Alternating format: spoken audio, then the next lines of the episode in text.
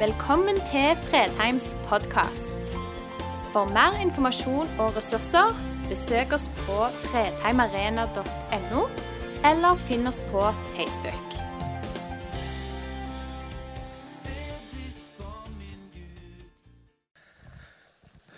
Takk for god ledelse i sangen og i tilbedelsen. Og Det passer jo litt godt med det spørsmålet som kommer her. Eh, avisen Dagen har en ukentlig liten sånn spørreundersøkelse. De snakker med folk som går i ulike menigheter, og så spør de er det hands up eller er det hands down. Og Hvis dere så han som meg, så var mitt sånn midt imellom. og Han, han sa han er hands up, og jeg mer hands sånn. Og det trosspråket vårt har ulike utgaver.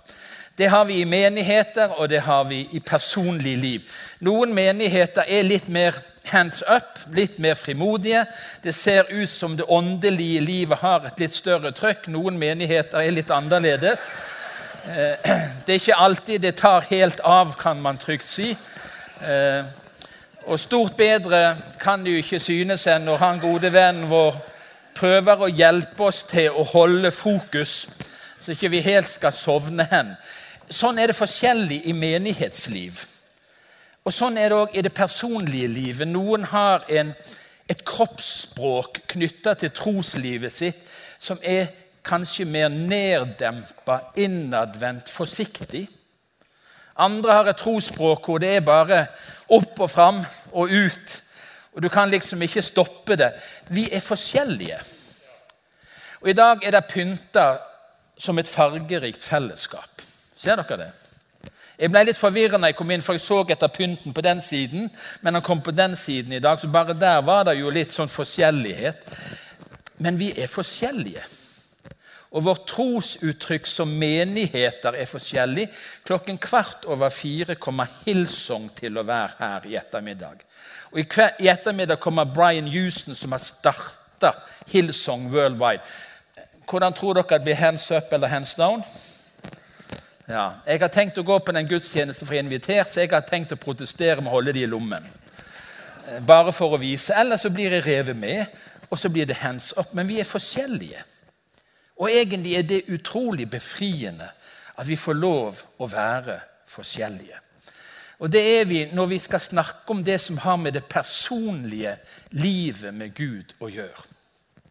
Og Av og til kan vi snakke om det på en sånn måte at folk går bare hjem med dårlig samvittighet. For det er ikke godt nok sånn som jeg gjør det. Ikke ber jeg rett og nok, og ikke leser jeg i Bibelen nok. og ikke, Så går vi hjem fra gudstjeneste ganske nedtynga og, verre stilt enn vi kom. Så jeg har hatt én bønn, eller flere bønner, men én spesiell bønn for denne gudstjenesten. At du ikke skal handle om dårlig samvittighet, men en, om at det kan vekkes en lengsel etter at det livet med Gud fungerer sånn som Gud har kalt den enkelte til å leve. Alle kristne sitt liv er et liv under korset. Og vi er nok litt fanga i den grøften at det handler veldig mye om hva vi skal gjøre. Og vi måler kristenlivet vårt på hva vi gjør for Gud. Eh, og jeg kjenner av og til det der at det blir litt stritt. Skal det måles på hvor ofte jeg går på gudstjeneste, hvor mye jeg gir i kollekt, hvor lenge jeg ber, og hvor lenge jeg leser i Bibelen, og at jeg holder alle planer, så blir det ganske strevsomt. Fordi vi blir så ofte opptatt av hva vi skal gjøre.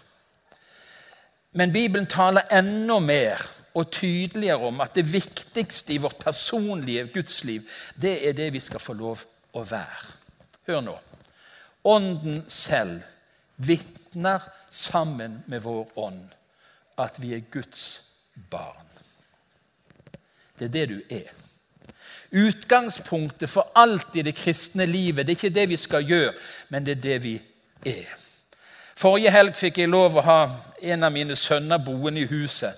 Han har en gutt som er noen måneder. Han gjør ikke særlig mye av seg.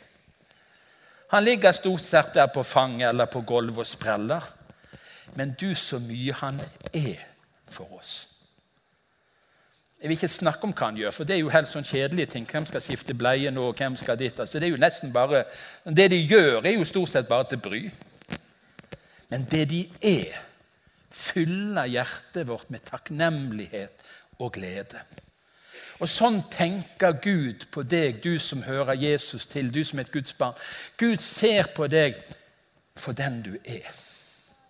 Han elsker deg sånn som du er. Og Det er ikke alltid du klarer å elske deg sjøl engang, sånn som du er. Men Gud elsker deg sånn som du er. Han vil først og fremst at vi skal få være hans barn. Og Luther sa det på sin litt fleipete måte. Han sa jo ting litt sånn uhøvla av og til. at Den som kan få lov å si 'jeg er et Guds barn', det er den sanne professoren i teologi. Fritt oversatt. Så hvor mange professorer i teologi er det her inne? En hel haug. Hvis du kan si det Det viktigste for meg det får være et Guds barn. Vi skal ikke diskutere skapelsesberetningen, men det er en nydelig historie i den historien i første Mosebok. Da, hørte, da hørte de lyden av Herren Gud som vandret i hagen i den svale kveldsprisen. Det er poesi. Ser du det for deg? Gud, skaperen, den evige majestet, vandrer i hagen. Hvorfor det? Han vil ha relasjon med sin skapning. Vi er skapt til fellesskap med Gud. Gud vandrer på en måte i hagen for å snakke med sine skapninger. Og jeg tror han klappa løven på ryggen òg. Og tigeren. Og alt det der som han hadde skapt på forunderlig vis. Men han var primært ute etter mennesket. Og Gjennom hele historien så kommer dette ropet, men Herren Gud ropte på mannen. Og Det kan hende at det ikke er helt uten grunn at det står 'mannen' her. da. Hvor er du? Hvor er du? Gud er ikke fremst, først og fremst opptatt av hva du skal gjøre for ham. Men Gud lengter etter oss. Han spør hvor er dere blitt av. Jeg vil være sammen med deg. I dette hastige, travle, innholdsrike livet så ønsker Gud først og fremst at vi skal få lov å være sammen med Han. Er du med at det kan være utgangspunktet for det vi skal dele? Men så står det noe i Bibelen òg om det vi er kalt til å gjøre. Og Jesus sa det veldig radikalt. og Det der er ikke lett for oss å holde to ting helt samtidig og la begge deler få full tyngde. Jesus sa, 'For den som gjør' min himmelske fars vilje, er min bror og min søster og mor. Så det at vi får lov å være, det er utgangspunktet og vår identitet. Men fordi vi har den identiteten som Guds barn, så kaller Jesus oss til å gjøre Hans himmelske Fars vilje. Og La oss se litt på det. Hva er det som kjennetegner en engasjert, levende, frisk, frimodig kristen tro? Er det noen sånne kjennetegn som er helt tydelige og klare for oss? Og I dag skal vi bruke litt tid i Johannes evangeliet kapittel 15. Så Hjemmeleksen din nå eh, det er å lese hele kapittel 15 i Johannes evangeliet. Og Vi begynner i vers 4. Bli i meg, så blir jeg i dere. Slik som greinen ikke kan bære frukt av seg selv, men bare hvis den blir på vintreet, slik kan heller ikke dere bære frukt hvis dere ikke blir i meg. Bli i meg så blir jeg i dere. Det er en nydelig sammenkobling. Himmelens og jordens skaper blir i oss når vi blir i Han. Nydelig. Og Så fortsetter det i vers 7. Hvis dere blir i meg, og mine ord blir i dere, da be om hva dere vil, og dere skal få det. Mine ord blir i dere. Jeg har ikke alltid Bibelen med meg opp. Jeg burde gjerne hatt det, så dere forstår at det er det det handler om. Men et av troens viktigste, sikreste kjennetegn handler om at ordet blir i oss.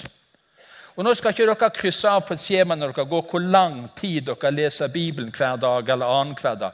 Det er ikke det det handler om primært.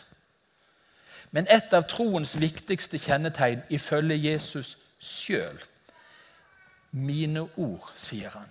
Og så sier han, be da om hva dere vil. Ordet og bønnen.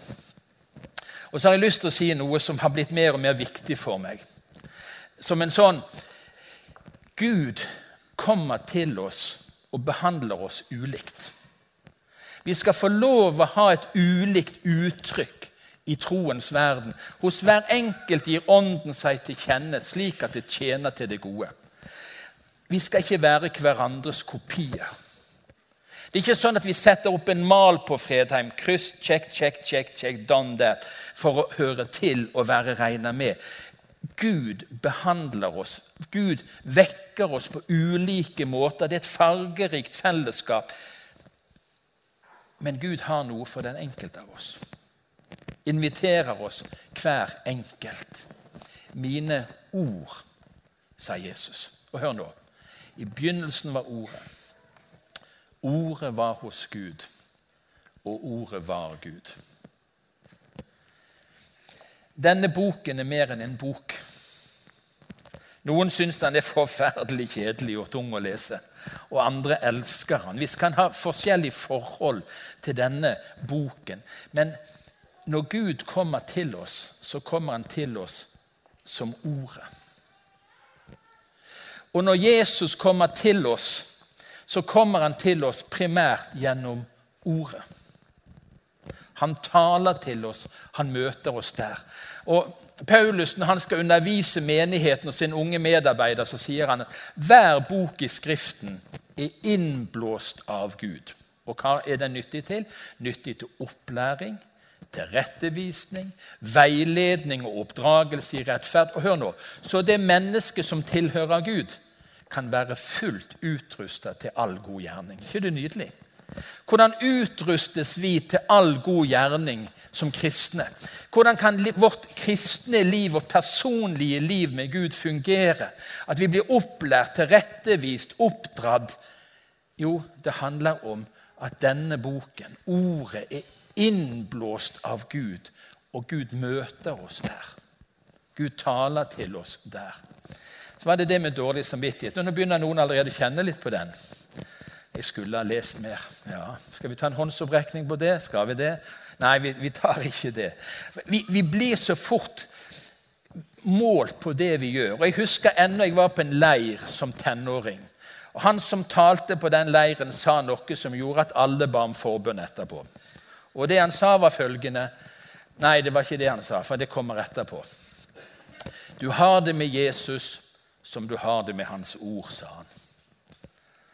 Det, det, si det til en tenåring sant, som sliter med bibellesingen og sovner i tredje Mosebok annenhver kveld eller knapt åpner den. Altså, da får du dårlig samvittighet. Og Det er da du fisker forbønn. For Hvis du da spør det noen som har, det, har lyst til å få det bedre med Jesus, så kommer jo alle hendene i været. Og så vekkes den dårlige samvittigheten. Jeg er nesten litt sur på han. Jeg skal ikke si navnet på han. Jeg har ikke helt glemt det ennå, det møtet, fordi jeg fikk dårlig samvittighet. Og Det endte jo med at vi ungdommer på den tiden vi, vi, vi, strekte jo under alt vi fant i Bibelen. Så den første Bibelen, Jeg har en sånn hylle hjemme med biblene mine. Og Den første Bibelen jeg har, den er understreket på alle sider. Rødt og grønt og blått. Og Når jeg ser noe jeg understreker, kan jeg si det gjorde jeg bare for å vise at jeg hadde lest det. For jeg understreket de merkeligste ting. Men det var liksom en sånn press, en prestasjon, å kunne vise til dem Se her. Uh, og de som var virkelig kristelige, de hadde bibler som var slitt vekk gullet. Sant? Det var sånn, da, da var du kommet langt. Det er ikke det det handler om. Men jeg hadde bønn om å vekke lengselen i oss. Gud, du er min Gud, som jeg søker. Min sjel tørster etter deg. Min kropp lengter etter deg i et vannløst, tørt og utarma land. Dette er ikke tørt, vannløst og utarma land. En kristen, en som har fått Guds ånd, som er Guds barn, lengter etter samværet med Gud. Det, det er født inn i oss lengselen etter fellesskap. På 80-tallet sa de, for å gi folk, foreldre som hadde det travelt, bedre samvittighet, så sa de det handler ikke om mengden tid med barna dine, men det handler om kvalitetstid. Husker dere som hadde barn på 70-80-tallet? at Det det var, det viktigste var ikke hvor mye tid du brukte med barna dine, men det må være kvalitetstid. Så ett minutt kvalitetstid Se de inn i øynene. 'Jeg ser deg, jeg ser deg, jeg ser deg.' Og så tilbake inn til avisen eller et eller annet. Nei, det handler ikke om det. Barnet lengter etter tid. Etter nærhet. Etter fellesskap. Etter relasjon. Ikke bare i et øyeblikk, men over tid. Og Sånn er det for Guds barn. Når det personlige livet med Gud fungerer, så er det ikke hvor mye vi gjør, men det handler om å Gud, min sjel tørster etter deg. Få lov å være deg nær. Og Så står det lenger ute i denne salmen om dette ordet 'Jeg mette som med fete rette'. Jeg forundrer meg over denne boken. Stadig så står det noe jeg ikke har lest før. Jeg har jo lest det mange ganger før. Stadig er det noen som treffer livet mitt, oppmuntrer meg, utfordrer meg, fordi det er et ord som er levende. Og min sjel trenger den maten som dette ordet gir. Og så svarer vi med lovprisning og tilbedelse. Med jublende lepper priser jeg deg. Eier du den lengselen etter å få lov å være sammen med far? få lov å sitte på hans fang, omtrent sånn bokstavelig talt, og, og mettes med det gode som han vil gi. Så sto det lenger ute i det avsnittet i Johannes 15.: Be da, sa han.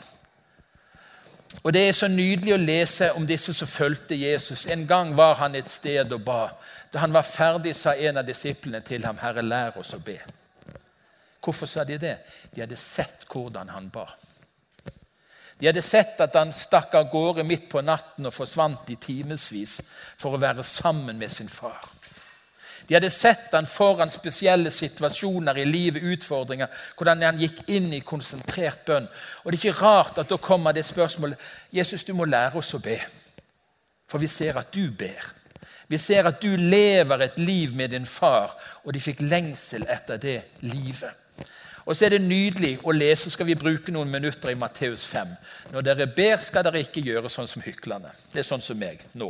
Jeg står her framme og belærer dere liksom, og forteller alt som er bra. Og, det, er sånn, det er de som står fram på tempelet, står der i den teksten. Det er de som på en måte står fram og viser Gud. Jeg har alt på det tørre. Jeg, har alt, jeg leser og jeg ber. Ikke gjør sånn som hyklerne. De som på en måte er opptatt av å vise seg for mennesker. De som er opptatt av å fortelle hvor godt de har det, hvor gode de er, og hvor langt over snittet de er i sitt åndelige liv. Ikke vær sånn, sier Jesus. ikke det flit. Det er ikke de som er forbildene. Og Så sier han når dere ber, skal dere ikke ramse opp ord slik hedningene gjør. De tror de blir bønnhørt ved å bruke mange ord. Flott. Det er ikke det engang det handler om. Av og til så tror vi at det åndelige livet handler om hvor lenge vi ber. Da sliter jeg. Jeg tror jeg ber ofte jeg ber ofte mange ganger korte bønner, men de der lange, da sliter jeg. Jeg blir så grusomt travel jeg, når det har gått fem minutter. tror jeg det har gått en halv time av og til. Fordi det der med de lange bønnene, det er ikke for meg. Men så er det noen her inne som elsker det. Jeg eh, har fortalt om dette her før. Når vi hadde sånn bønnetime på gamle Fredheim, så kom en del og fikk en bønneliste. Så satt de en time og ba. Og En gang så hadde jeg eh, noe jeg skulle hente inne på det bønnerommet. Så venta jeg i halvannen time for å ikke forstyrre i tilfelle hun som var der, hadde bedt, ikke var ferdig. Og Så kommer jeg inn, Og hun ligger på kne og ber. Da hadde det gått halvannen time. Hun merket ikke at jeg var der. Jeg henta tingene og gikk ut igjen. Hun satt der ca. to timer og ba. Ikke det forunderlig? Men hun bar med hjertet. Hun hadde en bønnens nådegave. Jeg følte meg liten da. Da følte jeg at det der med bønn, det får ikke jeg til. Men Jesus sier de tror de blir bønnhørt ved å bruke mange ord. Det er ikke det som er kjernen i det personlige gudslivet. Slik skal dere da be, sa Jesus. Nå har vi nettopp bedt sånn. Vår Far i himmelen. Så kommer det en enkel, innholdsmette, innholdsrik bønn som favner hele livet, hele kristenlivet, alle de ulike områdene hvor Far i himmelen. La ditt navn holdes hellig. La ditt rike komme. La din vilje skje. Og Jeg har valgt å bruke den bønnen i mitt bønneliv. Og nå er jeg fariseer, bare så dere er klar over det. Nå må dere bare, eh, Eller hykler eller et eller annet sånt. Nå kan dere høre hvis dere vil. Men jeg har valgt å bruke den enkle bønnen som utgangspunkt i mitt bønneliv. Og Når jeg kommer til den bønnen 'La din vilje skje', da, da går jeg et steg til side, så tar jeg en pause. Så begynner jeg med de som jeg er aller mest glad i. La din vilje skje så kommer navnene på familien. Og etter familien kommer staben med ektefeller. Og så kommer styret og eldsterådet i forsamlingen. Og av og til kommer noen av dere dettende inn. Eh, det har litt med det der med mange ord å gjøre. Men det å la din vilje skje, så kan du la be Guds vilje inn i mennesker sitt liv. Sånn har jeg valgt å bruke den bønnen som Jesus lærte oss å be. Men alt handler om det. Ikke som en hykler, ikke de mange ordene, men som et barn som kommer til sin himmelske far og vil være sammen og vil være nær. Sånn skal vi be.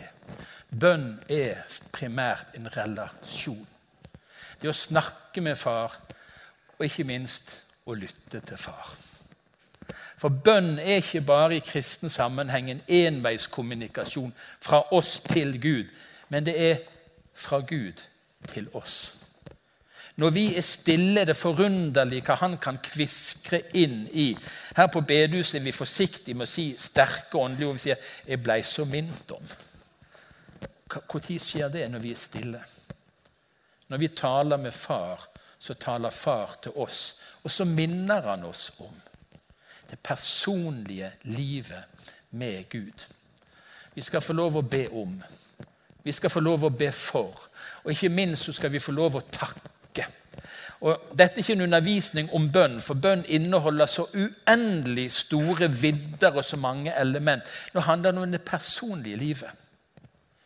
Du har en himmelsk far som ønsker nærhet med deg. Som ønsker å leve i en fortrolig relasjon med deg. Og det skjer ikke minst i bønnelivet. Men så fortsetter Jesus, og vi skal ta med ett element til om dette personlige gudslivet. Som far har elsket meg, har jeg elsket dere. Bli i min kjærlighet. Hvis dere holder mine bud, blir dere i min kjærlighet. Og dette er mitt bud. Dere skal elske hverandre som jeg har elsket dere. Og i det personlige gudslivet så kommer ikke vi utenom at det lever vi sammen med andre mennesker. Og Noen kristne har sitt primære trosspråk i fellesskapet med andre. Det er lettere for dem å be når de er sammen med andre. Det er lettere for dem å lese Guds ord når de er sammen med andre. Eh, og Jeg spurte han så jeg kom til å nevne han. Han har fått meg som venn på en sånn bibelapp. Det er jo det siste nye. sant? Da slipper du å åpne boken, da kommer det på mobilen eller PC-en. Og Hans har begynt på en sånn bibelapp. Og Nå får jeg rapport hver dag fra Hans sin bibelapp. I dag har Hans lest det og lagd et som bibelbilde. Og For et par dager siden kom det Hans har fullført sin bibelplan. Du kan nå gratulere han. Hæ? ikke det fint? Og Jeg, hadde, jeg sto klar, hadde begynt å skrive 'gratulerer', så skjedde det et eller annet. Så jeg fikk ikke sendt den, men jeg sa det til han i formiddag. Gratulerer med at du har fullført bibelplanen din. Altså, Vi lever òg det kristne livet i fellesskap. Vi er ikke alene engang når det handler om det personlige gudslivet. Vi lever det sammen med andre, og noen av oss er desperat avhengig av andre mennesker for at dette gudslivet skal fungere. Det er da vi kjenner det vibrerer når vi er sammen og lever livet sammen. Dette er mitt bud, sa Jesus. Dere skal elske hverandre. Og så kommer den umulige setningen som 'jeg har elsket dere'. En fantastisk setning. Vi vet jo, skriver Johannes når han sender sitt brev til menighetene Vi vet jo at vi er gått over fra døden til livet, for vi elsker våre søsken. Det er flott å se på dere. Mellom 150 og 200 brødre og søstre. En flott familie. Og Noe av det som gjør meg trygg på at jeg er et Guds barn og har en personlig relasjon til Gud, vet du hva det er? Jeg er gyselig glad i kristne folk. Det våger jeg å si. Og jeg våger å si ikke sikkert dere har lyst til å høre det, men jeg er glad i sånn påske og pinse borte og vekk og indre og ytre og sjø og samemisjoner. Altså. Vi, vi er jo en familie. Fantastisk slekt. Av alle slags utgaver så har vi en felles tro på Jesus Kristus. Som gjør at vi har brødre og søstre overalt i hele verden. I forskjellige kirkesamfunn og trossamfunn. Og dette er et av kjennetegnene på at vi er Guds barn. At vi elsker våre søsken. Og så kommer han videre i kapittel 3 i 1. Johannes brev. Mine barn, la oss elske ikke med tomme ord, men i gjerning og sannhet. Slik skal vi vite at vi er av sannheten, og vi skal la vårt hjerte falle til ro for Hans ansikt. La oss elske ikke tomme ord, men i gjerning. Det er lettere å si 'jeg er glad i deg' enn å vise det. Det er jo det. Det er ikke så vanskelig å si 'jeg er glad i deg', men det kan være tøffere å vise det. Når er det du kjenner at noen er glad i deg? Det er når de gjør noe for deg. Du kjenner kjærligheten fysisk omslutte deg og fylle deg på en helt annen måte når kjærligheten får hud på, på en måte, når ordene får hud på seg. Når du merker det. Og nå ser jeg folk her eh, i denne forsamlingen som har vist meg sånn kjærlighet. Noen ganger i livet når jeg trengte det, så viste de det i praksis. Og Jeg er så takknemlig for at kjærlighet ikke bare er tomme ord, men det er i gjerning. Og så er det et annet uttrykk som Jesus sier, at det skal være i sannhet. Ikke skuespill, ikke fasade, men ekte. Og Her utfordres vi ikke bare på det positive å gjøre, men på det å la være å si og la være å gjøre. Jeg har lenge gått og forberedt en tale som jeg aldri tror jeg kommer til å holde. Den har følgende overskrift 'Hvordan ødelegge din menighet'. Hadde det vært en spennende preken å hørt? Jeg kan gi dere et par tips Spre usannhet om en bror en søster, så ødelegger du menigheten din. Baktal, så ødelegger du menigheten din. Så enkelt er det å ødelegge menigheten. For hvis et rike kommer i strid med seg sjøl, sier Jesus, så blir det lagt øde. Usannhet. Gjerne brukt, fordekt, som å ville fortelle noe som vi tror er sant om andre.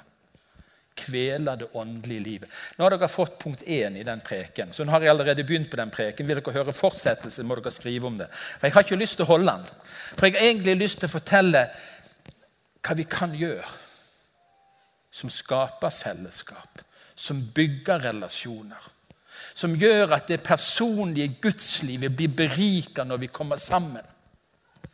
Og Bare for noen dager siden fikk vi lov å sitte to-tre mannfolk sammen og dele liv med hverandre. Legge hendene på skuldrene på hverandre. Og vi fikk lov å gå inn i vanskelige ting i livet til noen. Og det var så godt.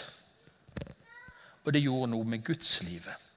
Det personlige gudslivet blir styrka gjennom fellesskapet. Det personlige livet med Gud. For noen år siden så eh, kom det en del ungdom på døren min på kontoret her inne. Og de var radikale.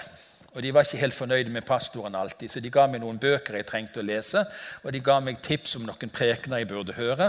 Men stort sett var de ganske fornøyd. Men en del av de spurte rett ut dette spørsmålet. Du, pastor, hvis vi leser i Bibelen sånn som du leser i Bibelen, hvordan blir det da med vår bibellesing? Hvis vi ber sånn som du ber, hvordan blir det da med bønnelivet vårt? Hvis vi gir sånn som du gir, hvordan blir vårt, vårt giverliv da? Det var ganske utfordrende når de satt der, sånne 18-20-22-åringer. Og de har jo hele vetet. Det er jo det som hører til å være 18-20 år. Sant? Da har du hele vetet. Men det var samtidig en fantastisk gave at disse unge menneskene spurte meg konkret om hvordan jeg lever med Gud. Og mitt personlige gudsliv kunne være et forbilde for deres gudsliv. For de hadde en lengsel etter å leve med Gud. Og nå skal dere få en utfordring på slutten av dagens preken. Og den er heftig. Er dere klar? Ja, noen så litt skeptisk ut. Summen av en menighets åndelige liv og styrke. Kraften, gjennombruddsmuligheten, det er gjennomsnittet av det livet vi hver enkelt lever med Gud. Forsto du det, eller må jeg forklare det en gang til? Kraften på Fredheim, gjennombruddsmuligheten, vår, vår mulighet til å berøre og forandre, det er summen av det livet som vi enkelt, hver enkelt lever med Gud. Det er ikke mine prekener som avgjør. Det er ikke staben som avgjør. Det er summen av det livet vi lever. Og nå kommer spørsmålet. Og det er litt spesielt. Trekker du opp eller ned gjennomsnittet? Ditt liv med Gud, løfter det forsamlingen? Eller trekke det ned? Er det sånn at noen av oss skulle snakke litt mindre og begynne å praktisere og lese litt mer? Skulle vi mene litt mindre og be litt mer? Skulle vi vise kjærlighet i praksis mer enn være så opptatt av sterke ord? Og Nå sier noen her ja, men det var det med den dårlige samvittigheten. Vet du hva? Den største gaven vi kan få som kristne, det er å få hjelp til å venne oss til Gud. Og søke Hans fellesskap. Og Derfor stiller jeg det spørsmålet bevisst til meg sjøl og bevisst til deg. Er du med å løfte fellesskapet? Er du med å gjøre at fellesskapets åndsinnhold og gjennombruddskraft blir større, rikere? Eller er du med å holde det nede? Og det kan skape dårlig samvittighet. Det er ikke så farlig med dårlig samvittighet hvis vi bare går til Gud med den dårlige samvittigheten. Det hjelper ikke hvis du blir sint på meg, men hvis du går til Gud med det. For Gud lengter etter fellesskap med oss. Gud lengter etter at relasjonen mellom han og oss skal fungere.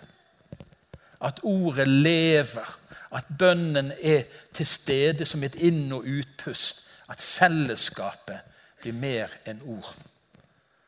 Jeg har en bønn og en lengsel etter at mitt kristne liv skal heve snittet. Skal være med å løfte forsamlingen. Og Jeg håper at du òg har den lengselen, skal vi be.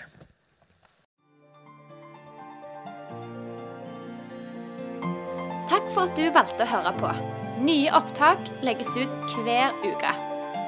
Vi har gudstjenester hver helg, og du er hjertelig velkommen.